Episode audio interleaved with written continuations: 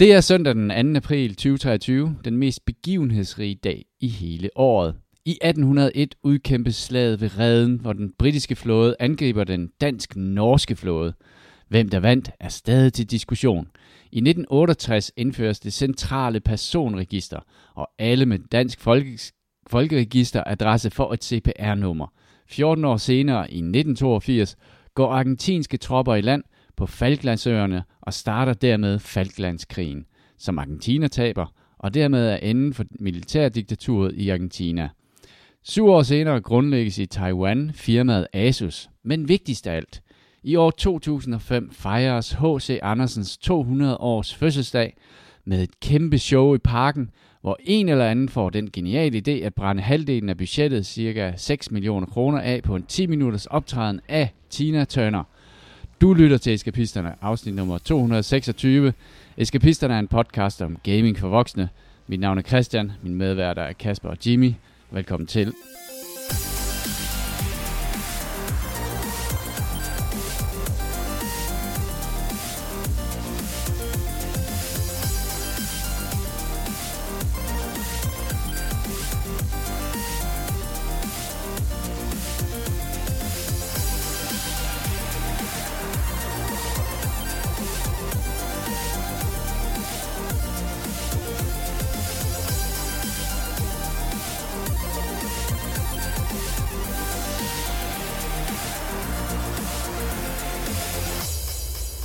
Hvordan skulle jeg vælge i, i Ej, al sikkert den information? sikkert, jamen, jeg synes, det var godt lagt op, ikke? fordi det var... Først så skal vi lige have sået en lille bitte smule... Det kunne faktisk godt være, at vi vandt slaget på redden. Lad os Ja. bare lige holde fast i det. Det kan godt være, at vi gjorde det. Men jeg synes, vi skal bare skal holde, vi skal, vi skal være stensikre på, at vi vandt hos Andersens jubilæum. Ah, det, Det var en sejr, Det- vi tog hjem. Det, det er en ting, når jeg har, har fucker virkelig meget op, så, så tænker jeg, Nå, men jeg var det mindst ikke den, der tog beslutningen om at hyre Tina Turner og brænde alt ind i budgettet af. Og så er det lidt bedre med mig selv. Så det, det, det, synes jeg, det er lille råd, man kan tage videre, hvis man synes, man fucker op. Det- Så kan man bare lige tage den videre og tænke, Nå, det var ikke mig, der gjorde det i hvert fald.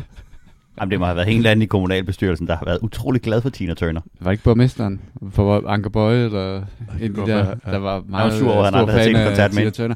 Og så synes han bare, Det er hende med GoldenEye jo. H- ja, og H.C. Andersen, Tina Turner, øh, en grim melding. Roger er- Moore også, som jo Øh, Jeg var tror der. ikke, der er nogen af os, der ikke kan blive enige om, at at H.C. Andersen, han var simply the best. Ja, jamen, det er rigtigt. Og så øh, slaget på redden, og du siger, du har læst, at det måske muligvis ikke var et dansk nederlag, men en dansk sejr. Ja. Fordi at, øh, at, det, at du har sagt det flere gange her til morgen. Ja, jeg var Det var kun den frivillige del af den danske flåde, Ja. der gik tabt. Det var bare meget vigtigt. jeg, jeg, jeg er endnu ikke kommet til bunds i det. Jeg, jeg blev så fanget af det i går. Så stod jeg, så jeg, der var en øh, ret lang... At der er en, der ryster på hovedet. Men hun har til synligheden ikke læst artiklen i Politiken, der kom i går.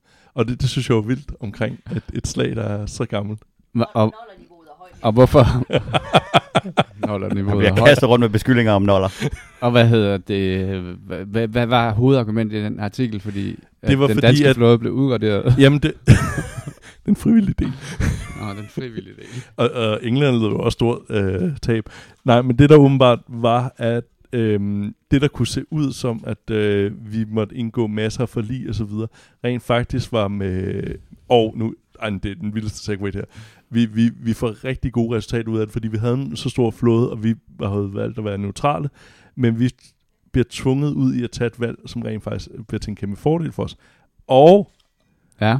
Derfor får danske hvad hedder det, sejler lov til at have splitflag på, på båden. Det var, jo, det var jo det, vi troede, men det viste sig, at, At det var rigtigt. det var også Det viste sig, at det var det faktisk ikke. Det var en, der købte et skib af kongen, og så tænkte han, hvis jeg får lov til at sejle med splitflag fra Grækenland til Danmark, så kan jeg sikkert undgå at betale havneafgift. Og sådan! Og det virkede er... godt købmandskab, så igen Jamen, vi det tilbage det til slaget på redden. Så kendt er vi bare tilbage til. Vi, det kan godt være, at vi sælger, øh, at vi sælger vikingehjelme i vores, øh, i vores souvenirbutikker, men vi er bare en nation af fucking krejlere. Ja, præcis. købmand. Det er fedt. Det, Det prøv at høre, det skulle være være mindre. Svend Gynge og mere Låsby Svendsen. Ja, præcis. Jeg, jeg havde så meget håbet, at den der historie var et eller andet på grund af Svend Gynge. Ja. Og så ender det bare med at være Låsby Svendsen. Det her. Og sådan en hestehandler og spytter, sig selv, spytter i hånden og siger, kom så, kom så. Det er jo, prøv at tænke på det. Det er jo ikke dumt. Vi mister jo penge fra den danske stat, hvis vi betaler i andre havne. Det kan jeg sgu godt se. Og så fik vi lov til at bære splitflade. Det næste bliver vel, Men at... øh, gælder hvad- det stadigvæk, kan jeg sta- stadig sejle ind øh, i en svensk havn, Selvfølgelig. men hvis splitflag, De så vil være nægter bange. at betale Men det var jo havne... ikke slip for noget som helst. Det kun fordi, han tænkte, hvis de ser et skib komme sejlende med splitflag, så tænker de nok, det er statslig ejendom, og så opkræver de sikkert ikke havnegifter. Ja, det er det.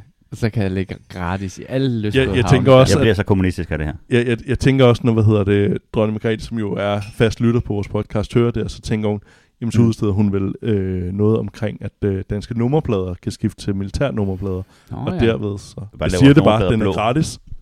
Eller krone. Ja, så giver jeg sgu en bededag. Ja, ja præcis. Øh, fantastisk øh, forårsdag. Solen skinner. Alt det, der blev sagt i introen, var i øvrigt rigtigt. Alt er sandt. Der er An- ikke noget 1. april her. Andet øh, går, er ja. måske lidt øh, mere tvivlsomme kilder. Mm. Øh, er, er, det, er det en tvivlsom kilde, der skriver, at uh, Nej, der er en det ny er- Star Trek uh, på vej? Overhovedet ikke. Det, det er jo den vigtigste nyhed, øh, jeg tænker, vi starter med. Ja, jeg tænker, vi får den lige overstået. Ja, vi starter med den vigtigste. Øh, der er en ny Star Trek-serie på vej, der hedder Starfleet Academy, som meget sjovt nok foregår på Starfleet Academy. Øh, man følger nogle, et, et hold studerende på Starfleet Academy. Har vi lavet så mange serier, så nu er vi nede og så lave sådan noget teenage-drama? Det tror jeg. Hvem Ja. ja. er på uh, Starfleet Academy cheerleader-holdet? Så det glæder jeg mig til. Og så det glæder vi os Saved alle by the til. Bell-agtig. Ja, Ja. præcis. Ja. Ja. Åh, det kunne være godt. Og så er der en af dem, som er den søde pige, som ender med at være med i sådan en pornografisk Verhoeven-film senere. Okay. øhm, jeg har en anden nyhed. Det, det er ret fint at mærke, at Jule er her i ånden. Øhm, hvad hedder det? Den japanske konkurrence, konkurrencemyndighed op, øh, har vendt tommelen op for Microsoft om øh, og, hvad hedder det, overtage. Jeg kastede en like fra Ja, ja, Japan. præcis. De, de har lige ved, givet en tommel op. Øh, og det er jo, hvad kan man sige, om end ikke meget Sony-land, i og med, at Sony er derfra. Så det, øh, det er jo... Jamen, øh, det er fordi, de har en Nintendo. Nå, det er det. Tænker, om Nintendo vi har stadig don't give a Nintendo, ja. fuck. øhm, så det, øh, og der kommer flere og flere tommel op over Mm. omkring i, i verden. Øhm, så er der, hvad kan man sige, fyringer. Øh, det rammer også Ja. spilbranchen nu. Øh, EA har præsenteret et kanon godt øh, regnskab. Øhm, de har et overskud på øh, før skat på 5 milliarder dollars. Det er 18 procent højere end året før. Tillykke Efter i, skat ja. er det også 5 milliarder dollars, hvis jeg finder ham ret. Ja, præcis. Øh, de har jo meget kendt hovedkontor på Cayman Island. Øh, det fejrer de ved at fyre 700-800 ansatte. Ja. Øh, så det, øh, Jeg det var god. læste øh, deres, øh, hvad hedder det, pressemeddelelse. Ja, den er, det er, altså det er guldstandarden inden for corporate bullshit, Ja. vil jeg sige. Altså det, den der måde der, hvor de øh, øh, refokuserer deres afdelinger. Jamen, det er det. Det, Mm. det, det er refokus. Øhm, og jeg, jeg er lidt i tvivl om de der Apex Legends fyringerne, der var, var med i de fyringer. Øh, Nej, det var vist noget andet. Det var, de fyrede 200 testere. ja, ja. Og Der, det gjorde de så på et Zoom-opkald. Ja. Hvor de kaldte hej, hej, Hej. hej, og hej, hej, Og faktisk. mødet hedder Ja. produktionsoptimering og Ja. performance. Ja, det ja, nemlig forvent. At Det, øh, så, så det er måske lige for, for folk, øh, tænker, åh, oh, fedt, at mit øh, firma har fået et godt regnskab. Det er nødvendigvis ikke en øh, garanti Så for skal man begynde at være rigtig nervøs. Ja, så, så skal man være nervøs, fordi så tænker de, hvad nu hvis vi skal have nogle med, mere af det der? Øhm, så er der Horizon Forbidden West DLC'en. Ja. Det bliver en øh, PlayStation 5 exclusive, og nu, nu bliver det, man tænker det er idiotisk, og det, og, Ja. og det er 1. april, og det er det ikke, men det er åbenbart fordi, at øhm, øh, at flyve rundt har et ret stort fokus i det, og så skyerne, der bliver Mm. genereret, kan simpelthen ikke blive genereret ordentligt på den gamle konsol. Det er året, året med skyer og røg. Ja, ja, altså, præcis. Counter-Strike. Volumetric, øh, og nu, øh, hvad hedder det, Forbudte skyer i vest. Ja, forbudte præcis. skyer. Det er noget med, at, at, øh, altså jeg synes jo, at det er fedt. Jeg kan jo godt lide sådan nogle volumetriske skyer. og Nå, ja, ja, ja. Og, og hvis det ikke kan køre på den gamle, Jeg så kan også lige de, godt lide, at de ikke gemper sig selv, fordi det skal kunne være på en konsol, der er 11 år gammel. det ikke? skal jo ske på et eller andet tidspunkt. Jeg siger ja det præcis, bare. så, så er de nødt til at lave kottet. Mm. Øhm, Men der er noget, nok noget push og pull. De vil godt have et flot spil. De vil også godt have flyttet folk over på PlayStation 5. ja, ja, og nu præcis. kan man faktisk få fat i en PlayStation 5. Jamen, det er, jo- det er nok det, der også gør, at de, at de, de har rykket det. Øh, og så, havde jeg en sidste. Det var, at øh, de havde regnet med, at øh, E3 skulle komme tilbage i år. Det havde de i hvert fald øh, slået på trummen for, og så videre. Øh, men øh, der har jo været corona, det, det, det var ligesom det, der satte øh, kæppen i hjulet for det. Ja. Øh, og det gjorde, at øh, alle de store udgivere ligesom øh, lavede sådan nogle online show, Øh, og det er de blevet rigtig glade for, så glade, at øh, de ikke rigtig gad at deltage i, i tre. Øh, den sidste store, der trak sig, var Ubisoft, og så sagde i tre, Nå, men så, Så er der ikke rigtig så trækker vi noget. rigtig Vi stikket. trækker stikket Ja. på grund af mangel på interesse. Og, og det er vel også, hvad kan man sige, man kan forstå det fra udgiverens siden, fordi at hvis de ligesom kan sætte øh, deres launch show, så styrer de selv, hvad kan man sige, begivenhedens gang, og de kan undgå at ramme, rende ind i nogle af de andre, som Ja. også har nogle udgivelser. Så ja, Der er mange gode grunde til det, ikke? ja, Altså, hvorfor skulle, man, hvorfor skulle Sony stå og lave sådan et gigantisk show og, og dominere nyheds, øh, hvad hedder det, nyhedsspalterne i fire timer, indtil at Microsoft så laver deres gigantiske og show. så snakker de om øh, nogle volumetriske skyer, ikke? Altså, Jo. så, så er alt fokus bare på det. ja. ja, altså jeg, jeg kan godt se, hvorfor at uh, de der de store spillere vælger nogle tidspunkter, hvor de ligesom kan fylde mere, og så kan de selv styre det på den måde, og så er de sikkert også blevet rigtig dygtige til det. Og så er det selvfølgelig også, at, at selve grundideen med E3 var, at det var sådan en trade show, ikke? Altså det var show, hvor folk fra forskellige supermarkedskæder ja. og sådan noget mødtes og, og lavede aftaler om, hvor mange fysiske kopier de skulle aftage af et computerspil. Og det, den tid er også ved at være slut, ikke? Ja, præcis. Det, Altså, det ved jeg ikke. Du holder stadig fast i at købe en... jamen det, det er fordi, jeg så, kopi. jamen det er så, hvad hedder det, typisk er det, fordi jeg kan spare noget. Og så, så ved jeg godt, selvfølgelig, så skal jeg høre for Jule omkring, hvad min tid er værd, og så videre. Og, Og godt, vi ved, hvad Jule synes, din tid er værd. Ja, ja, præcis.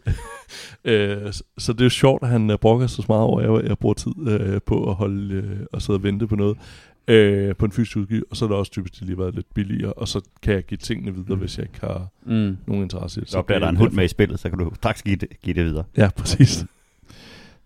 Der var også... øh, Jeg har, se- I set den der video der med, øh, hvad hedder det, gameplay for det nye Zelda-spil, Tears of the Kingdom. Nej, og nu Nå, bliver det lidt misundelig over, jeg ikke har set det. Um, den er, og det, nu snakker vi om skyer jo. Altså, det er jo også et spil, der foregår op i, øh, i luften.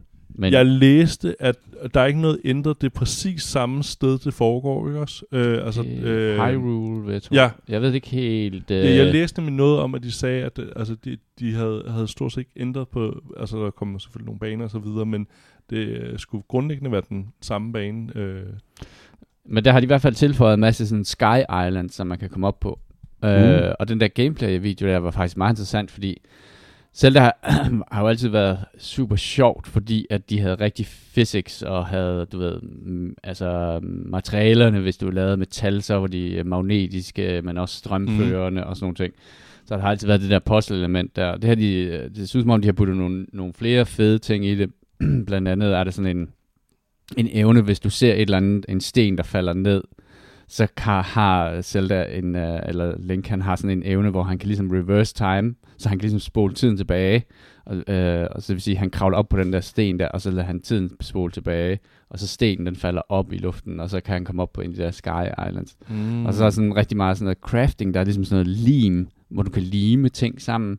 Og så i videoen laver han sådan en båd af nogle træstammer, og så har han sådan nogle, en, nogle fans, som han sætter på den der båd der, øh, som man så driver den, så den ligesom kan sejle hen over en flod, så han kan krydse en flod med det der. Så der, der, er, sådan, der er ret mange sådan sjove øh, ting, man kan eksperimentere med, øh, som ser vildt fedt ud. Der var jo mange, der lavede alt muligt stuntgejl med det første spil, hvor at, øh, fordi varme, hvis du tændte et bål, så varmede det luften op, og det vil sige, at der var noget opdrift i det, og så kunne man bruge det til ligesom at komme op og flyve med sin glider og sådan noget.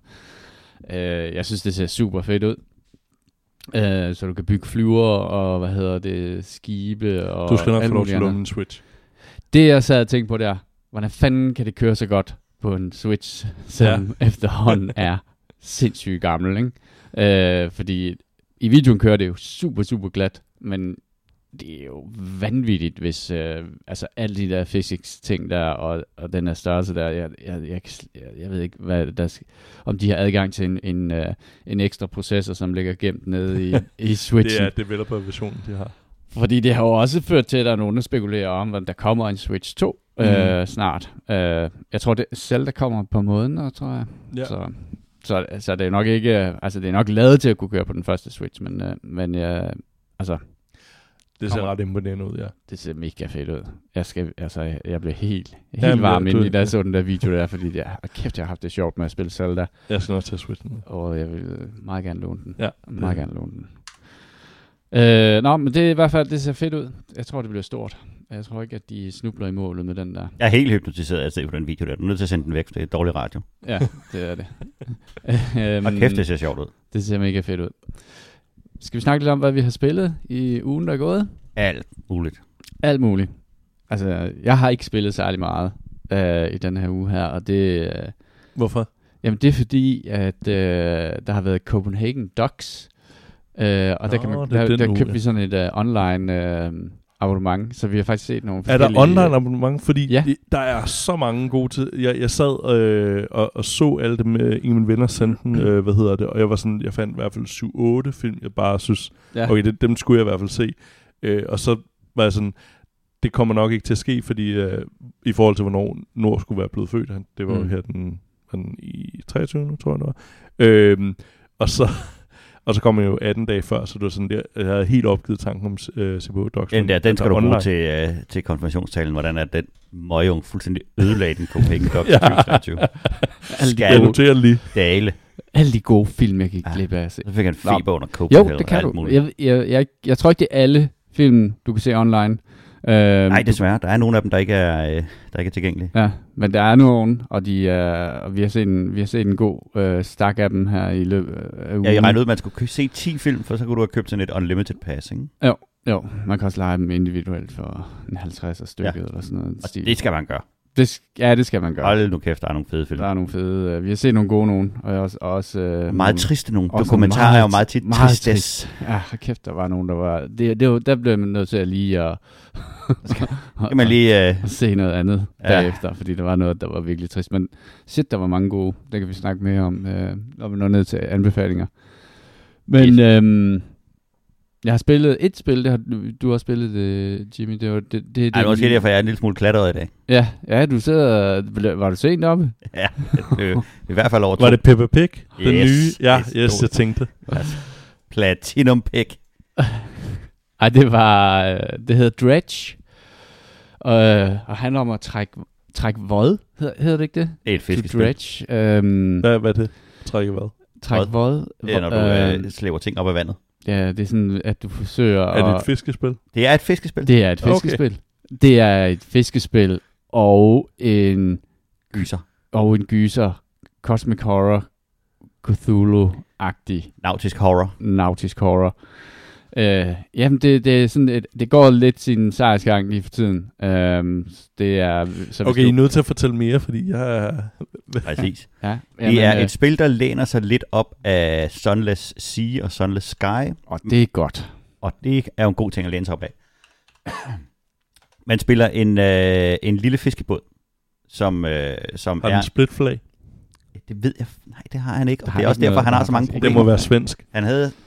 Ja, han, han, øh, det ligner så noget, øh, noget Innsmouth øh, oppe i, øh, i det østlige øh, øverste del af USA. Så det er sådan lidt voxel art-agtigt noget. Ja, Ja. det er enormt smukt, øh, og så skal man med forskellige former for mechanics fange nogle fisk, og så sejle ind til de her byer og sælge dem.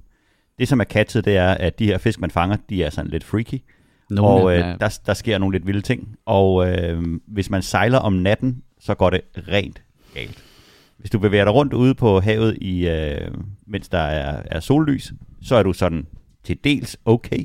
Mm. Men, øh, men hvis at det bliver mørkt, og det bliver det hurtigt, fordi det tager jo tid at trække vod, eller fiske, eller alt muligt andet, så bliver verden et meget, meget uhyggeligt sted, og øh, der sker en masse virkelig uhyggelige ting. Det ser ud til at være rigtig god ting til sådan en som mig, som er virkelig mørkeret. Ja, det er Øh, rigtig godt til dig, okay. også fordi det sætter en gigantisk creepy stemning. Mm. Det er det.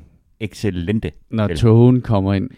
Og så er det en blanding af en puzzler, når man skal have rovet til at passe ned i, sin, øh, i, sit, øh, i sit cargo hold. Det er et, øh, nogle minigames, når man skal fiske de her små fisk op.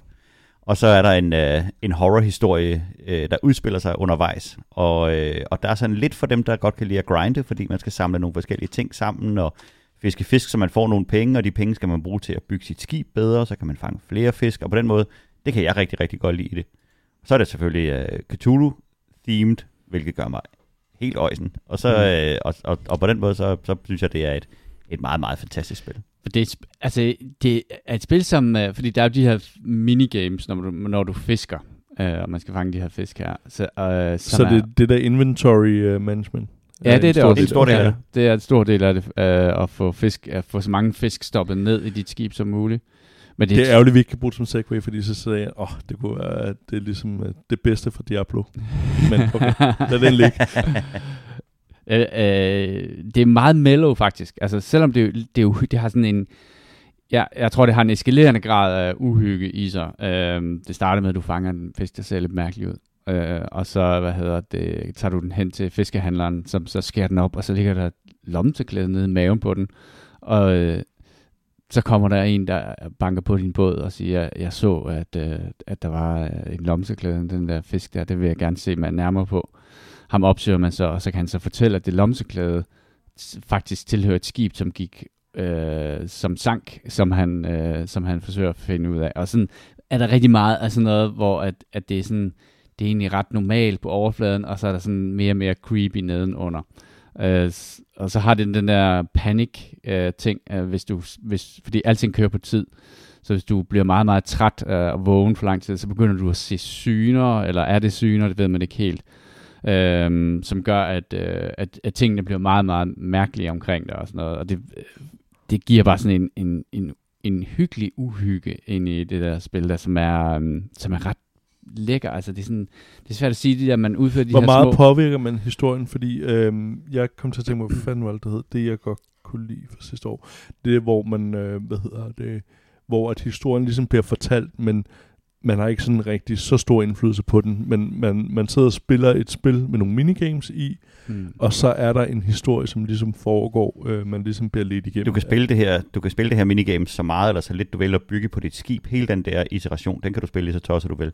Historien den udspiller sig undervejs i ting du finder og i ting der sker, og hvis du ligesom vil progresse i det, så skal du finde den næste ting til ham der, der har fundet lommetørklædet, og så sker der noget, og verden åbner sig Mm. på, en, på en måde. Så historien udspiller sig efterhånden, som du spiller. Du har ikke nogen påvirkning af den. Nej, men det er open world, så du kan selv vælge, om hvilken vej du sejler, eller siger, nej, men i dag vil jeg bare tage ud og fiske, fordi jeg skal tjene nogle penge, fordi jeg vil opgradere mit skib.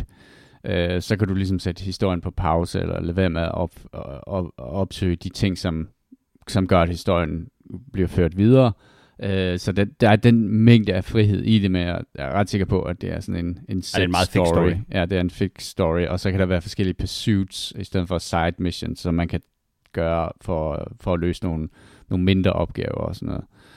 Øhm, jeg er vild med grafikken. Jeg synes, den er super fed. Artformen er sindssygt Øh. god. Det er meget uh, Darkest Dungeon-tegninger Ja. af de her Ja, øh, folk, man, man møder Sådan undervejs. carvings Ja. agtig øh, Det ser skide godt ud. Crying Sons kommentar, det var det, jeg tænkte på. Øh, at det havde ja, lidt vibe ja. af det, hvor at Ja. spillet i sig selv var mega fedt, og så var der denne her historie, som på en eller anden måde foregik omkring. ja. Er det det der, hvor man skal finde tilbage til sådan, det er sådan en sci-fi spil? Ja, ikke? ja, ja. Ja, ja, det er man- ikke run-based Nej, på Nej, nogen okay. som helst måde. Nej, det er det ikke. Og der er ikke en særlig stor straf, hvis du dør, så, går, så bliver du sat tilbage til sidste gang, du var i dok. Mm. Øhm, så det handler mere om at regne ud, hvordan, hvordan man, man progresser ind og have et eller andet skillset til det. Nogle af Mm. de her minigames er lidt finurlige, men der er ikke nogen af dem, der er svære på nogen som helst måde. Nej, nej, det er der ikke. Har I gennemført det? Nej, nej, Nå, men okay. øh, vi blev voldsomt bidt af det i går. Uh, jeg havde faktisk købt det på Steam først, og så pludselig slog det mig, at det kunne være fedt at spille på Xboxen, fordi det er, sådan, det er ret controller-venligt. Mm. Øhm, så jeg refundede det faktisk på Steam, for jeg kun havde haft det tændt i du ved ikke, et par minutter eller sådan noget. Og så jeg installerede det inde på Xboxen, og så, så startede det op, og så kom Lea gående ind, og så sagde hun, hvad er det for en lille båd? Det ser mega fedt ud, det skal jeg spille. og så, så, hvad hedder det, så gik vi bare i gang med at spille, så bare spillede det hele Det natten. er meget tuk-tuk hyggeligt. Det er super hyggeligt. Uh, singleplayer-spil. Altså, det er meget sådan casual i virkeligheden. Altså, det er klart om natten og sådan noget, når der begynder at ske uhyggelige ting, og pludselig kommer der en eller anden lygtefisk og jagter dig og sådan noget, så skal du, så skal du sådan lige være rap på tasterne. Men det har, øh, det har sådan en rigtig fed ting med, at tiden kun går, når du gør noget. Så hvis du ikke sejler med en båd, så bare slipper din controller, så sker det, så går tiden ikke. Det er først i det øjeblik, du begynder at sætte, øh, sætte Mm, motoren okay, til, ja. og begynder at sejle. Øh, og det er virkelig, virkelig godt set øh, i et spil, hvor at det der med, at du skal nå en hel masse ting, før natten kommer. Øh, at du så ikke øh, hvad det hedder, føler dig stresset over, det, fordi du sidder og læser en menu eller et eller andet den stil, at tiden så går. Så det er kun, når du fisker eller sejler eller gør noget aktivt, at der rent faktisk er, er at tiden den går. Så der er masser af tid til at sidde og, og spekulere og lige tjekke, om jeg skal ud og trække vod her, for jeg, skal, jeg mangler noget træ for ligesom at, at, at, at, at det, for opgraderet mit hold øh, og noget af den stil det er ret øh, ambitiøst, synes jeg faktisk. Det har mange fede, øh, hvad hedder det, ting. Øh, det har tech-træ, øh, du kan researche, og du kan, det har sådan en ship, eller sådan en tørdok, hvor du kan opgradere dit skib, og det, jeg har ikke, fik du opgraderet til det næste skib, eller Ja. det næste hull? Øh, er et stykke ind i det der. Øh, super addictive øh, og mega, mega atmosfærisk. Og øh, ja, sammenligningen med sky, øh, Sunless Skies og Sunless øh, Seas er øh, helt åbenlyst. Så hvis man, og det, og det er jo et af mine yndlingsspil, og det, øh, det har den, den samme sådan kosmiske horror undertone og sådan nogle ting, som er, uh, det er hyggeligt. Det er hyggeligt og uhyggeligt. Og de har ramt den tid. helt rent den her gang, i forhold til at sætte stemningen og de der mennesker, man taler med, og den der øh, følelse af, af displacement med. Det er ikke indlysende, hvad der er galt, men der er noget helt galt. Mm. Ja, der er sådan et eller andet underliggende, der er helt galt. Øh, Kæmpe anbefaling Kæmpe anbefaling, ja. Jimmy, du har spillet Monster Train. Det Jeg har, også, også, øh, gik jeg har samlet ind for. også noget af det, jeg ikke har nået at, at fortælle om de sidste par uger, og en af mine, øh, mine nyeste addictions, det er, øh, det er et, et run-based card game, minder utrolig meget om Slay the Spire eller noget i, i den der, der hedder Monster Train. Det er jo ikke nogen nyhed, men det er nyt, at jeg har spillet det. Jeg er ikke nogen af os, der har, der har kigget på det før, så vidt jeg kan se. Og det er et, øh, et, et af de her run-based spil, som er helt klassisk med, at du starter med et dæk, Øhm, og så går du forbi nogle, nogle optioner til at forbedre det her dæk, eller dine øh, hvad hedder det, karakterer, eller spells, der er i dækket. Du kan få nogle artefacts, som påvirker dit, dit run, og så skal du så kommer du frem til nogle kampe, hvor du skal kæmpe i dem her. Det, der er lidt spøjst i, i det her, så er det, det er ikke helt så klassisk. Din, øh, din battlefield er delt op i tre niveauer, og hvis du ikke slår nogen ihjel på det første niveau, så bliver kampen ikke gjort færdig. De træder op på det næste niveau. Mm. Så på den måde, så forsøger de at komme op, og så slå noget ihjel ind i dit tog. Øhm, så du har sådan en runde til at gøre modstand, og så skal du i virkeligheden samtidig have planlagt, enten skal jeg have slået dem ihjel ned på det første dæk, eller så skal jeg have bygget en konstruktion, som gør, at de, når de bevæger sig op igennem toget, får de skade nok til, at de ikke når til, den, til toppen. Mm. Og spillet er ret godt til at forudsige, hvad det er, der sker. Du kan hele tiden, når du sidder med din, med din kort og sådan spiller ind, eller øh, smider dem øh, på bordet, så kan du se, hvilken effekt det vil have på de andre. Du kan, når du spiller en, en, en buff, der giver plus 2 til angreb, så kan du med det samme se, jamen, så vil den karakter, der står overfor her, han vil få så meget health, og han vil miste så meget i skade. Så det er meget nemt at sidde og konsekvensberegne, hvad det er, der foregår, øh, fordi de her, øh, hele hemmeligheden bag spillet er at planlægge de her kaskadevirkninger med, at hvis du gør det, så får den plus, og når så den dør, så genoplever den en, og når den dør, så får den plus, og så genoplever den en, og så de her ting, hvor at man, hvis man sidder og regner ud, hvordan de forskellige factions fungerer, så pludselig så kan man, så kan man få nogle enormt voldsomme effekter af dem her. Og det er nødvendigt, at man forstår det, fordi alle kampe, man skal igennem, de starter med, at man slås med en masse minions, og de minions er der i virkeligheden som en slags kanonføde til at bygge op til, at der kommer en boss ind. Fordi bossen, en minion har typisk et sted mellem 5 og 20 hit points, og bossen kan have 2500. Mm. Så man skal have bygget en god strategi, der ligesom er, den her maskine, den er blevet, den er blevet fødet, til når bossen han kommer. Vil du så lave en multilayered strategi, hvor han sådan får skade hen over tre levels, eller satser du på at bygge op med sådan en kæmpe angreb i den første level, og så videre, og så videre. En masse taktik i det, og, og overraskende meget dybere, end det ser ud til øh, fra starten. Jeg synes, var, altså det du lige forklarer der, det lyder meget dybt. Og Ja, jamen, også er- måske, hvor jeg bare tænker, oh my god, det jo, jo længere man, man kommer ind i det, jo, jo sværere bliver det. Og så er det jo det her med, at, at det er meget svært at vinde de første runs, fordi du unlocker ting undervejs. Når du har taget et run, så får du adgang til flere artefacts, du får adgang til flere kort, du bliver bedre og bedre i det. Men, øh, men, men det er, der, er noget, der er noget progression og nogle, noget idé i at gennemføre det igen og igen og igen. Det får du Er noget du, er du tvunget til ligesom at dø nogle gange? Ja, det, Okay, er, yes. det, er, det er en stor svaghed i det, det er jo i de her run-based spil, det er jo, der skal være noget progression i det. Ja, ja. Øhm, omvendt, hvis du satte dig ned og løb det første run igennem og vandt, så hvorfor skulle man så gøre det igen? Nå, nej, men det var mere, om man via kløgt øh, eller sejhed kunne, kunne Det klare tror jeg den. godt, du kan. Okay, Jeg yes. tror godt, du kan, men, men Jeg tror, Det var det er det, var svært. det Jule, han brugte så meget Ja. over, men det der, hvad fanden var det? Øhm, Hades? nej, Nej. det der kortspil i hytten. Nå, ja. ja, Crypt. Ja, Ja, ja, ja. Øh, at det der med, Men- at man men- var men- tvunget til at dø. Men du er tvunget til at tabe. Ja, Altså, det, okay. er, det er du i, i dem her, og du bliver bedre og bedre, og du skal også have gjort nogle bestemte ting for at unlock nogle factions, og på den måde så er det nødvendigt, at du, øh, at du spiller det igennem. Mm. Okay. Hvor ligger det i, øh, i og I Card øh, Øh, Addiction top tingen, 5? det har, noget, øh, det har noget hastighed over sig, som Ja. er virkelig, virkelig godt. Ja. Øhm, og man kan selvfølgelig altid bare lige stoppe op, og så, øh, så fortsætte på det senere. Øh, det gemmer dit run, det øh, er jo ved at være en, en, en must, men noget som Returnal ikke havde forstået var vigtigt. Og, øh, og jeg vil sige, det addiction-wise ligger det ret højt i, øh, i den der Ja. øh, card gamer ting. Det kan noget. Der forsvinder hurtigt et par timer, hvis man lige sidder og skal lige have et run på det her. Det føles meget, meget hurtigt, men der går noget tid med det.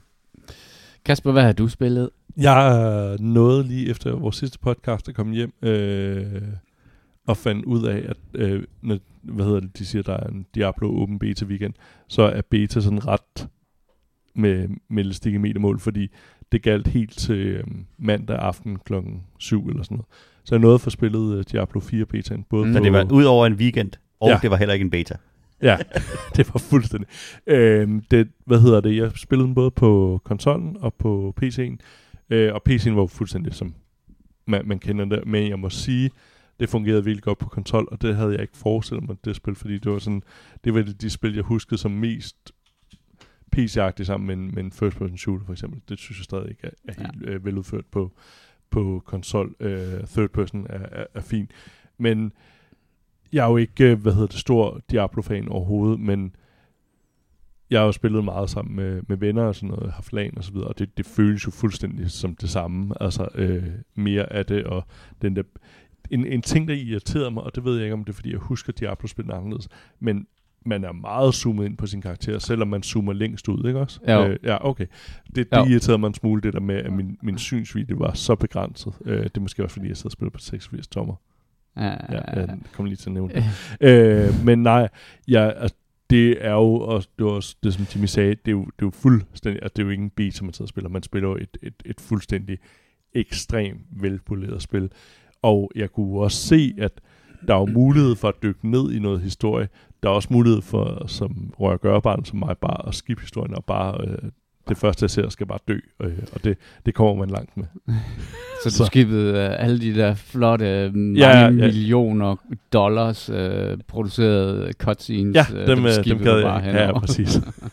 Jeg ved godt, de er gode til at lave, øh, altså de laver noget, der ser helt fænomenalt fantastisk ud. Ja, Det behøver jeg ikke sidde og fordybe mig i. nej, nej, jeg skal du ud og slå. videre. Ja, skal, ja, præcis. Du skal videre. Hvad er det, er det, jeg fornemmer ikke, at du sådan er blevet helt solgt på genren. Øh, Jeg er ikke blevet solgt på den, men altså hvis I mangler en, en fjerde mand eller en tredje mand, før det fungerer, mm, så kommer jeg jo nok til at blive overtalt. Men mm, det er ikke et spil, jeg kommer til at sætte mig ned alene og spille og, og dyrke på den måde, som folk Nej. dyrker, hvad Nej. hedder det, Path of Exile og, og Diablo i så mange år, og Jule, som købte det på, altså hvis man kunne få det til en uh, Texas Instrument lommerende, så havde han også købt Diablo til det, ikke? Altså så, mm.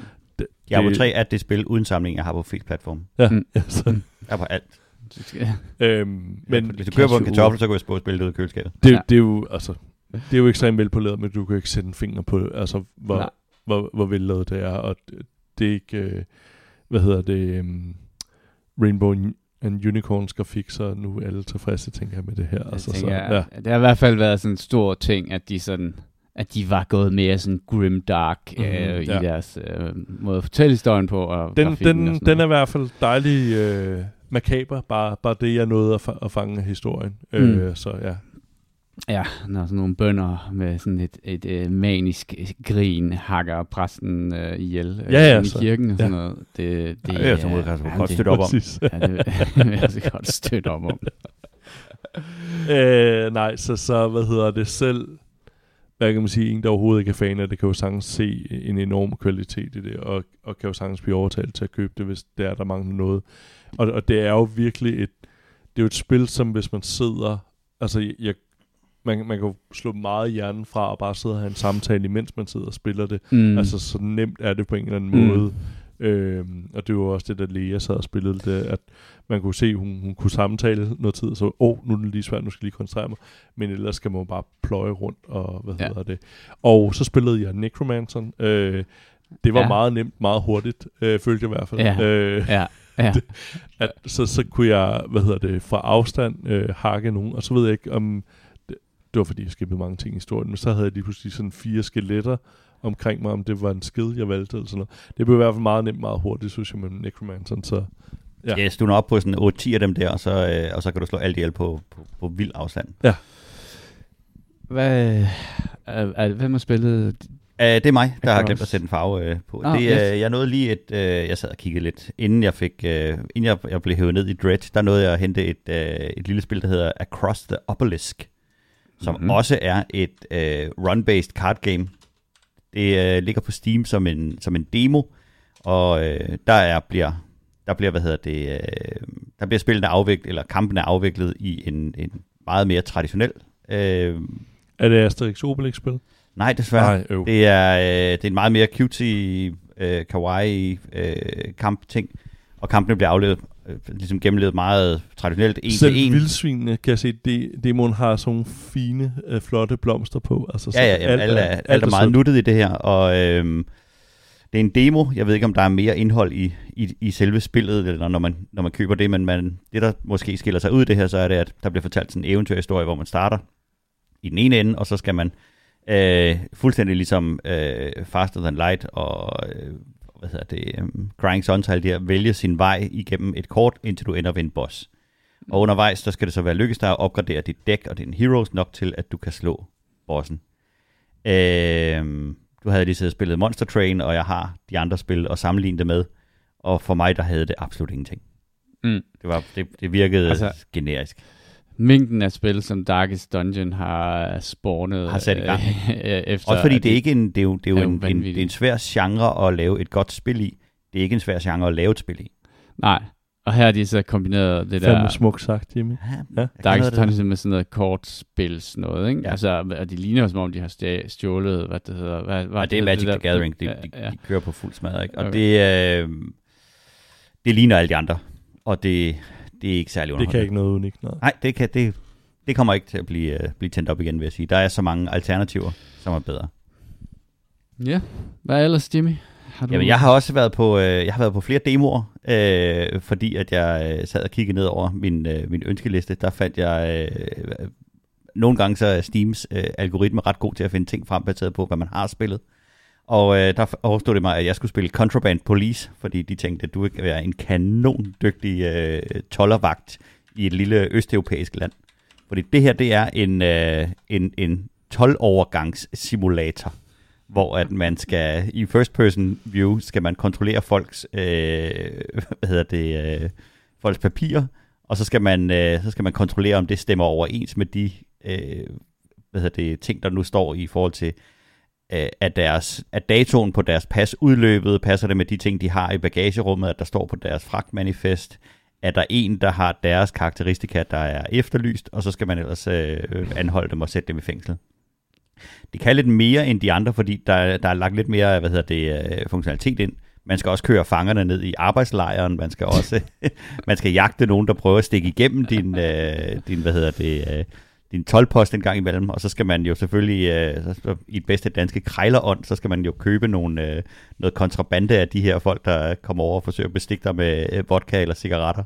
Og så skal du ud og sælge dem rundt omkring. Det er en, øh, det er sgu en ret sjov idé baseret på en meget, meget trist virkelighed. Men, men ideen er faktisk lidt hyggelig, fordi det er et, øh, det er sådan et bizart power trip, man har. Men samtidig så er man bare det mest usle Du bare- menneske, der findes. Øh, så, så, så det er... Øh, det, Det ser jeg- meget sådan øh, østeuropæisk ud. Jamen, det er, sådan, og de har ramt det rigtig, rigtig godt, og jeg slog, jeg slog dem op. Det er nogen, der hedder Playway SA, der har lavet det, og de har lavet et ton af forskellige simulators. Altså ting som det her, hvor du simulerer et eller andet.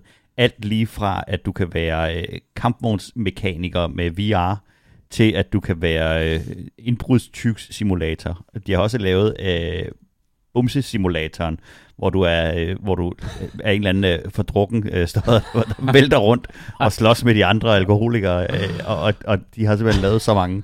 Og jeg vil sige, der er en hel del af dem, der er røget på ønskelisten, som ting, jeg tror, der er rigtig sjov at spille, hvis man har fået det der glas rødvin for meget til, at man kan ramme nogen i hånd. Det er overraskende god grafik, når jeg sidder og kigger på Og det, det er der. alle de der spil. De har nogle gode grafikere siden, og så siger de, byg, byg det her Mm. i, uh, i den her verden. Jeg tror, de laver det i Unreal Engine. Mm. Og, uh, og, og, og mechanics i spillene er okay.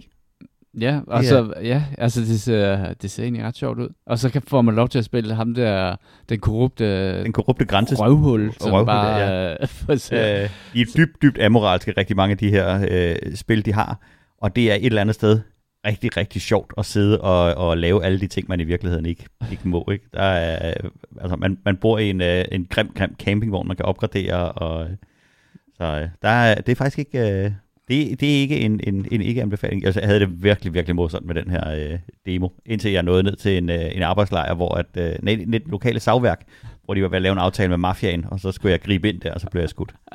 Er der, er der, må der er sådan en dybere morale i det, eller, om, eller får man bare lov til at udleve øh, øh, sin, sin lille diktator-drøm der? Du får din, øh, du får din, du, du får du lov at, at passe dit lille bitte kongerige, men ligegyldigt hvad du gør, så kommer der jo selvfølgelig hele tiden ordre oppefra, som du så skal indordne dig under, og det kan også godt være lidt, øh, lidt svært og lidt umuligt. Det, øh, jeg synes faktisk, det var ret skægt. Det ser fedt ud. Øhm, Altså, det, det har meget af de her asshole physics, hvor du kan få lov at lave nogle virkelig, virkelig dumme ting. Mm. Køre rundt i din øh, Østblok øh, Lada lastbil og, og køre ind i træerne, og så kan den ikke køre. Der er mange dumme, sjove ting i det. Kasper? Ja. Hvad? Jeg kaster mig ud i et øh, gratis, øh, eller Xbox Game Pass-spil. på Kasper du Xbox. ud i det? Nej. Ej, Øh, hvad hedder det? Soul Hackers 2. Øh, jeg, jeg, jeg kunne nok godt se det, da jeg, da jeg kiggede på, øhm, hvad hedder det, selve boxart. Øh, det er meget japansk. Øh, det starter i en eller anden sekvens, hvor der er en eller anden, der har en pistol, og så øh, står han og vander nogle blomster, mens der kører noget sådan elevator-agtig musik. Og jeg fik sådan meget... Øhm, Det er altså japansk, så en ninja med et øh, japansk flag på vil stadig være lidt misundelig. Øh, Deadly Premonition. Øh, jeg ved ikke, om nogen af jer har spillet det. Det, det der meget underlige... Øh, det, det har meget den vibe. Øh, det er sådan... Øh, hvad de hedder, de her spil, hvor man ligesom står og kæmper mod hinanden, ligesom i... Øh, Final South Fantasy. Ja, ja. Sådan Sådan, noget turn-based? ja, øh, turn-based ja. øh, kamp, øh, og meget med masser af snak undervejs. Og der var virkelig meget snak. Jeg tror, at... Øh, de står også bag et Persona 5 Ja, jeg skulle lige til at sige øh, det. Trauma lige. Center øh, til, hvad hedder det, øhm, en Nintendo DS'en, der kan huske, at der har jeg søgt også på et af deres spil. Øhm, det fik jeg aldrig prøvet, men det starter med en sådan 30 minutters øh, cutscene, og så får man endelig øh, kontrollen. Øhm, og, og styringen er meget under, kameravinklen er meget under. Selvfølgelig, hvis man gerne vil se op under hendes øh, skirt, så er det en perfekt kameravinkel.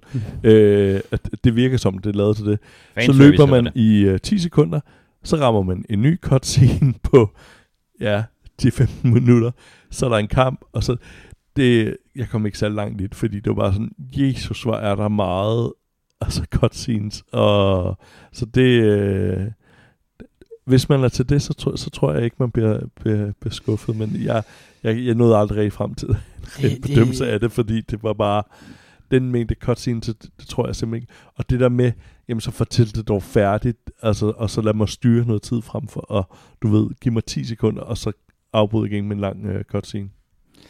Ja, jeg kan jo se i de der spil, der, at der bliver brugt utrolig meget tid, og de er jo veludførte og komplicerede, og øh, altså det har meget det der Persona-præsentation, men Ja. jeg, jeg gik jo også død i, i Persona 5. Det er til fordi, kameravinklen der. ja, altså. ja, det er meget, øh, det er sådan lige under røvballe. Ja, øh, præcis. øh, så man kan kigge op.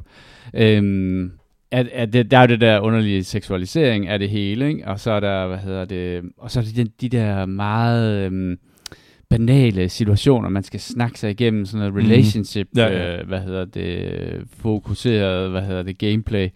Jamen, det er altid, man er Ja. altid en eller anden øh, avanceret øh, dæmonjæger, som går i 10. klasse, og så det, du skal i virkeligheden, det er at finde en eller anden nudler.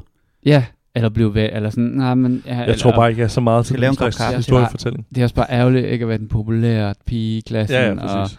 Og, sådan, og hvad det, min far, han stiller også meget store krav til mig. Og, sådan Ja. ja. noget, men, og så slås jeg med dæmoner øh, i min fritid.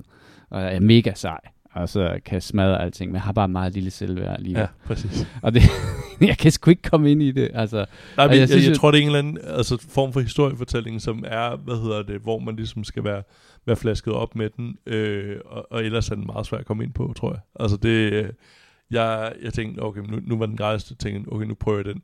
Til gengæld hendes øh, frakke var Elisabeth meget fascineret af, det der, fordi den skifter sådan i farverne. ja, det er sådan en cyberpunk. cosplay, jeg, ja, ja. ja. jeg var med Det var nok også det der cyberpunk, der trak lidt i mig, men øh, ja, det, for mange cutscenes til rørgør barnet kunne koncentrere Ja. sig. Altså, jeg, jeg, jeg prøver de der spil sådan en gang imellem og finde ud af, at det kan jeg ikke hver eneste gang. Og ja, det lykkes mig stadigvæk ikke. Og det irriterer mig, at, jeg, at det ikke lykkes mig, fordi jeg kan se, at der blev, altså, de er jo virkelig velproduceret og flotte, og hvad det hedder, også sådan, sådan grafisk er de jo mega stylish, og, altså sindssygt flot lavet, og grafik og sådan nogle ting. Men shit, var de også bare, hvor blev der også bare lavet meget af det, ikke? Altså, øh, men, men selv de bedste af dem kan ikke rigtig gribe mig. Jeg forsøgte at give det der Persona 5 et, øh, fordi det havde så høje, øh, høje rings, prøve at give det et, et, et skud, og det er en, som jeg siger, det er en fuldstændig unik genre af, af spil, og så man kan samle rigtig, rigtig mange af dem op, som kører på præcis den samme måde. Og jeg tror, det er ligesom folk, der spiller FIFA, eller spiller Mm. Racerbilspil, eller et eller andet. De vil spille spil, der er på den måde. Ja. Og, øh, og der er legio udvalg til dem. Igen, ja, det, det rammer heller ikke mig som et fodboldspil, heller ikke rammer mig. Lidt anbefalinger? Ja, jeg, jeg har nogen, men jeg, jeg er så spændt på, på jeres på Docs anbefalinger. Mm. Mm. Øh, den første øh, anbefaling, jeg havde, det var, um, eller ikke anbefaling, måske mere sådan underlig fornemmelse. Øhm, en, der hedder Waco American Apocalypse. Oh, Apocalypse. Apocalypse. Yes, det I sagde der. Øhm, øh, på Netflix, som handler om en eller anden kristen kult, øh, der ender en stor skudveksling i 1993 i, i Texas, må det være. Øhm, det er en sådan belejring i, hvad er det, næsten 70 dage eller sådan noget. Øhm, hvor at det, det er en sådan kristen sekt, hvor at ham, der ligesom er leder af den, han mener, han er Jesus øh, genfødt, sjovt nok. Øhm, og øh, sørger for alle dem, der er indlemmet en i den populær der, fortælling, de har. Ja, ja, præcis. sig selv. alle dem, der bliver indlemmet i, i sekten, og ligesom øh, overbevise manden i, i, i dem, der er i parforhold, der kommer ind, at øh, de skal opgive deres kone til ham. Så er der vist også noget sådan halv, øh, hvad hedder det, pædofili øh, i det. Så en sådan rigtig spændende person. Og udover det, Det var kristendom på fuld smadret. Ja, ja, præcis. Så, hvad hedder det, tænkte han også, jamen lad os da lave en øh, kæmpe våbenproduktion. Så det, der ligesom udløser den konflikt, er, at øhm, de, hvad hedder det, amerikanske AF, AFA, tror jeg, de hedder, den myndighed, som ligesom har med, øhm, hvad hedder det? ETF. Ja, det var det, de hed. Øhm, som har med tobacco, firearms og et eller andet. Alkohol. Øhm, hvad hedder det, skal ind og, og undersøge det. Og øh, så, hvad hedder det, øhm, er der en, øh, de, er ved at rulle op, og så er der nogle øh, journalister, som ligesom har fået tip om det her, øh, som skal hen og dække det. Øh, det ene hold af journalister kommer rigtig frem, øh, den anden far vild, og så ser han en postmand og spørger ham postmanden, hvor ligger det her? Og så spørger postmanden, hvorfor? Øh, jamen, det er fordi, der kommer en kæmpe aktion. Den postmand er så en af dem, der er med i den der sekt, så de Aha. når at tippe. Oh, nej. Han tager tilbage og tipper det op, og det er jo nok det, der ligesom får det hele til at gå sådan fuldstændig sindssygt. Øhm, den øh, har også nogle af de overlevende fra, hvad hedder det, den her sekt, øhm, som virker meget, øhm, øh, hvad hedder det, stadig øh, som om, at øh, jamen, han er Jesus-agtig, og sådan ikke ligesom, hvad kan man sige, den tænker, om, så kommer man om på den anden side og ser det, det forfærdeligt osv., men har stadig en sådan fuldt øh, sådan indæt had, og det er også fordi selv den her konflikt er åbenbart, øh, det, og, og det er det, der dokumentaren mangler, den, lige så snart der er et eller andet, nogle tvivlsspørgsmål, så lad den bare, hvad kan man sige, dem, der har hvad hedder det, været en del af den her sekt, og, og myndighederne, om begge sider er lige gode, altså i, i argumenter og så videre, og man tænker, jamen, der må være nogle, altså, alt bliver jo optaget i, i hvad, hvad hedder det, når det bliver knydet kommando og så videre, så det, de beskylder dem for, at der, der udbryder en vild ildebrand, hvor der dør rigtig mange i. Mm. i, i den her sekt, hvor sådan, jamen var der nogen, der gav ordren til at starte den her ild, eller hvad, hvad er det, der ligger bag ved det? og, og det ligesom står hen i det uvisse. Og der er en sådan en, en periode på, altså der er lige når konflikten sker, og så øh, to dage efter, og så springer vi frem til, at øh, selve konflikten øh, altså bliver, bliver afgjort, hvor det sådan, jamen, der må være sket en masse i mellemtiden, og det, og det dyrker den ikke rigtigt. Øhm, så det er en sådan lidt underlig, øh, hvad hedder det, dokumentar at se, og, og, og dybt forfærdeligt, det der er jo sket, men øhm, og, og man kan mærke den had, der stadig er, ja, 30 år efter, ikke også? Øhm, så den, den hedder Waco, øh, øh, American, nu vil jeg ikke fortælle det ord, fordi det er Apocalypse, øh, på Netflix. Øhm, den er lige kommet. Det var den første, jeg havde. Og så Jimmy. Ja, jeg var i biffen i går og ja. se uh, Dungeons and Dragons The Movie. Mm-hmm. Og uh, der har været lidt, lidt forskelligt. Der har været nogle, nogle gode klip uh, fra filmen. Jamen, og der jeg har blev været, meget smidt af de der klip fra filmen. Ja, der har været nogle, øh, nogle klip fra filmen, og der har været, øh, været nogle, øh, nogle anmeldere, og jeg vil sige, hvis man kender Dungeons and Dragons, så er det en sjov film at gå ind og se, fordi det er alle de ting, der er med i alle de ting, der er med i filmen, er med i spillet. Altså det er, Jamen, det er er det spells, som- der er med i, i... Man kan genkende spellsene. Du kan genkende øh, monstrene, øh, er, er taget ud af, af Monsters Handbook. Øhm, og det prøver at illustrere... Det er, et meget, den, den, det er en lidt metafilm, fordi den, den tager mange af de ting, som man kender fra et, øh, en god øh, rollespilsaften, og, øh, og gør dem, ekstrapolerer dem og gør dem sjove, og, og, og gør det til en del af, af, af, spil, eller af, af, af filmen. Altså, øh, Barbarianen er øh, dum som snot, Paladinen forstår ikke ironi, og er derfor verdens kedeligste menneske uden sammenligning. Øh, Barden er ham, der er den sociale lim, der forsøger at få det hele til at hænge sammen, men kan jo i virkeligheden ikke rigtig noget andet end at være mastermindet, der, der, der spiller musik og gør dem glade, og Wizarden, han, øh, han kaster en, øh, en øh, illusion spell, som går virkelig, virkelig godt, indtil han, øh, indtil han mister sin concentration, og så begynder den at, at, at gå skævt på alle mulige måder.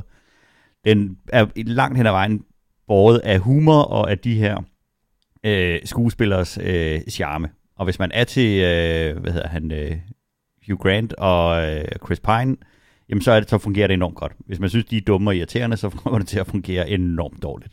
Men den har nogle, den har nogle vanvittige skægge, øh, quirky ting undervejs, og hvis man er til, til Dungeons and Dragons, så går man ind, og så kommer man hjem med det Mm. mm. samme.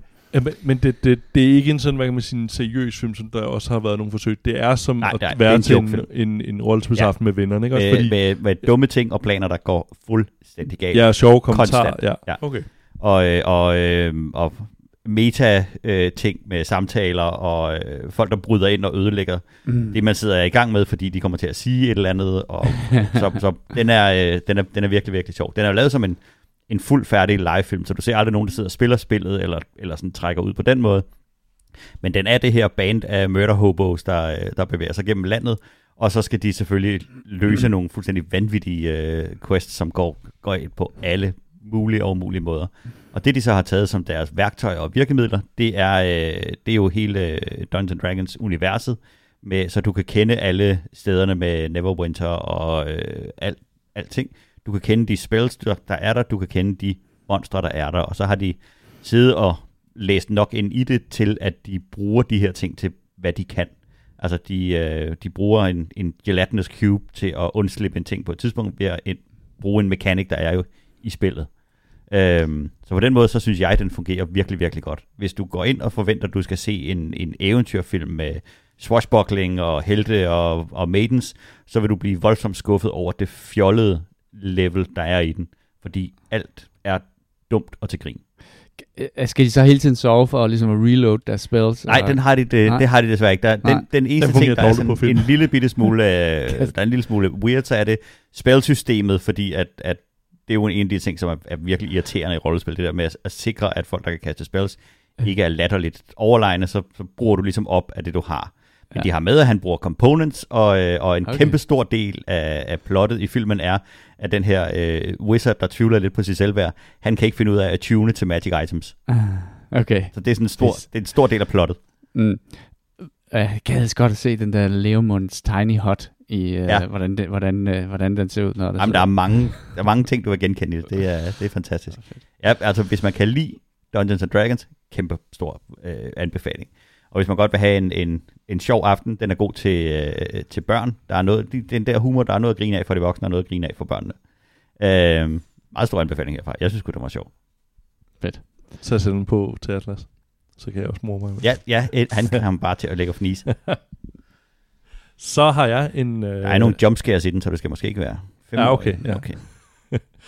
Øhm, jeg har set øh, MH370 øh, på Netflix. Jeg er åbenbart øh, i disaster øh, mode i øjeblikket. Mere øh, feel good. Ja, ja, præcis. Øh, jeg, jeg, jeg ved ikke, hvordan jeg kom ned i den, men det, nu, nu er alt åbenbart, det rammer, og det er så selvforstærkende.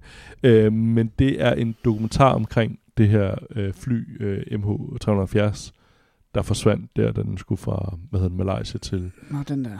øh, Kina, tror jeg, det var, den skulle lande i. Ja. Øhm, og den er interessant, fordi den, den dyrker øhm, fuldstændig fucked up konspirationer, som så alligevel virker som har noget på sig, og så lader de ligesom de her fortæller, hvor man sidder og tænker, nå okay, og så videre. Og så kommer man ind og siger, jamen det er jo fuldstændig idiotisk, det her kan ikke fysisk lade sig gøre. Nå ja, det kan jeg faktisk godt se. Øhm, den, den, er, den er tre afsnit, øh, og, og ret interessant øh, på en eller anden måde, fordi den i hvert fald kommer ned i det, men samtidig så dyrker den ikke helt, at jamen, nogle af de ting, I siger, hvorfor bliver der ikke rigtig fuldt op på det, eller en eller anden. Man, man må gerne have, når man laver dokumentar, måske have en fortæller, der lige forklarer nogle gange, i stedet for at man lader, hvad hedder det, dem, der bliver interviewet, bare altså, stå... Ramble. Ja, ja, ja, præcis.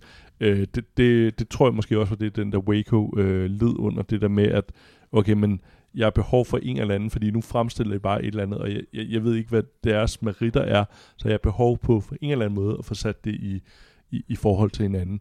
Øhm, den lider ikke så meget af det under som den anden, men den er alligevel interessant, øh, hvad kan man sige, nogle af de ting, øh, den forklarer, for jeg, jeg fulgte ikke særlig meget dengang, men den forklarer omkring, jamen, hvad er det, man mener i forhold til de her ruter, og så er det interessant, at øh, det er noget med et satellitsignal, øh, øh, og så kan de triangulere og sige, okay, enten er den flot den her vej, eller den her vej. Og så er der jo nogle af, af, af vragdelene, der skyller op på en strand, og så ser man sådan en computersimulation af, jamen hvis den styrter ned der, og den følger de her strømme, så vil tingene ende der og der. Og det er nogle af de steder, man finder tingene. Så den, den, på den øh, vis, synes jeg, den, den er ret interessant. Øhm, det, Hvad, der- hvad er den dominerende teori? Er, er, er der en, det virker ikke som, der Den er noget sådan helt... Ja, den faldt ned, er nok den, man øh, ligesom kommer frem til.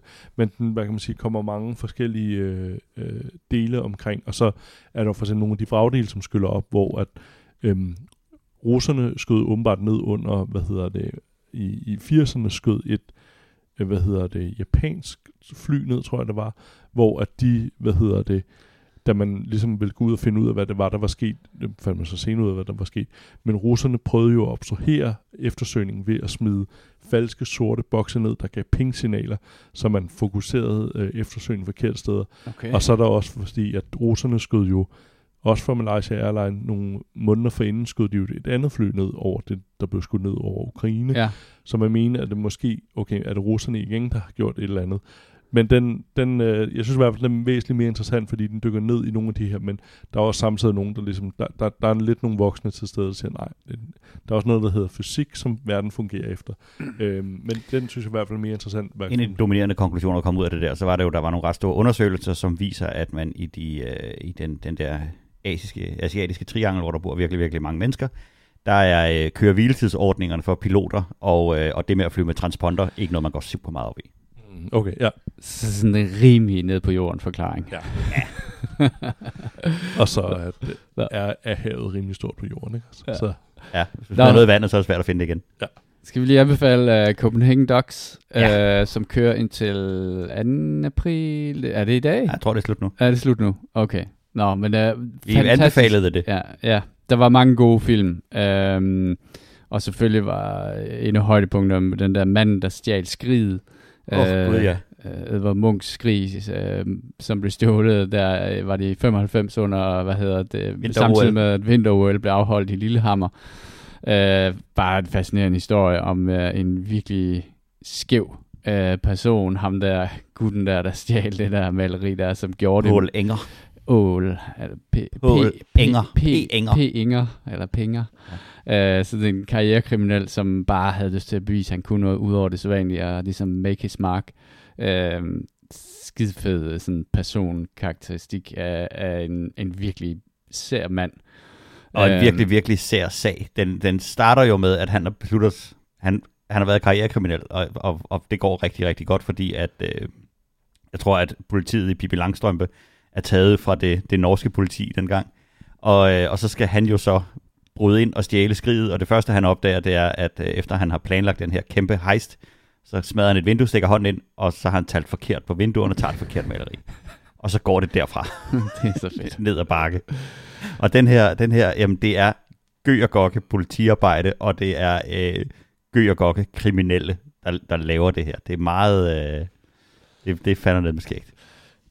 Ellers så vil jeg anbefale den, der hedder Vintersaga, som er Kæmpe sådan en øh, svensk øh, film, øh, som er lavet af en svensk instruktør, der hedder Carl Olsson, øh, som er meget inspireret af Wes Anderson, ikke? Jo. Det den hedder? Ham, der Ja. har lavet de der, tab- hvor, hvor, hvor filmen egentlig Tabloer. bare består af sådan nogle faste kameraindstillinger, hvor der så sker et eller andet, og det her det er så med fokus på den svenske eller den skandinaviske folkesjæl om vinteren, øh, hvad vi går og bedriver vores tid med, og det er altså Humoren og klipningen er eminent. virkelig, virkelig meget humor i det, øh, og samtidig kan man jo godt genkende alle de der ting, der sker om vinteren i, øh, ind i hovedet på os skandinaver. Ja, den, ligger, den ligger så meget, meget tæt op af. Hvis du tænder et kamera, og så stiller nogle bunderøv foran det et par timer, og kun skal bruge 30 sekunder, så sker der noget sjovt. Ja, ja, og det gør der. Og, Og det, det gør der sådan, bare. Og det er sådan noget, øh, det stille liv øh, levet rundt omkring, øh, med masser af lune og varme og sådan nogle ting, og menneskelighed og sådan noget, men bare fortalt igennem de der faste kameraindstillinger, som bare gør, at den var, det var sådan helt meditativ at sidde og se. Det, det var fantastisk. Øh, jeg ved ikke, om man kan se nogle af de der film, der er på Copenhagen Docs andre steder, når, når den der festival er slut. Øh, Det, eller om det, det tager normalt lang tid for mange af de festivalsfilm, fordi de ligesom går deres hvad kan man, sejrsgang, eller ligesom bliver udlånt til de forskellige festivaler, og så når den periode ligesom er færdig, Ah. så bliver tingene normalt distribueret videre. Det var også derfor, The Whale tog for eksempel lang tid før den kom, så man kunne se den. Øh, og, og det her, og det er jo ikke engang sikkert, at alting ender på noget, hvor man kan, kan se det desværre. Øh, der er nogen, hvor der nogle gange kan gå år, før man ligesom kan komme til den, så det er, ja, det, det, det er en sjov ting, med det der med, med, med festivaler. Man tænker ligesom, især med, med streaming og så videre, øh, at okay, det, det kunne man måske godt udgive på en anden måde, og, og efter corona også, men øh, det, er, det er stadig en ting. Mm. Jeg har lige en, en, en anbefaling, jeg har lovet at give videre. Det er et, øh, et, et, et lille spil, der hedder Murder House, som er lavet af nogen, der hedder øh, Puppet Combo, øh, som laver et hav af, af spil, der er øh, på den måde. Og det er et, et øh, lavet på moderne platform, et throwback til de øh, Silent Hill PS1-spillene, hvor at man øh, skal navigere rundt i, i, et, i et uhyggeligt hus, og så er der noget eller nogen, der er efter dig.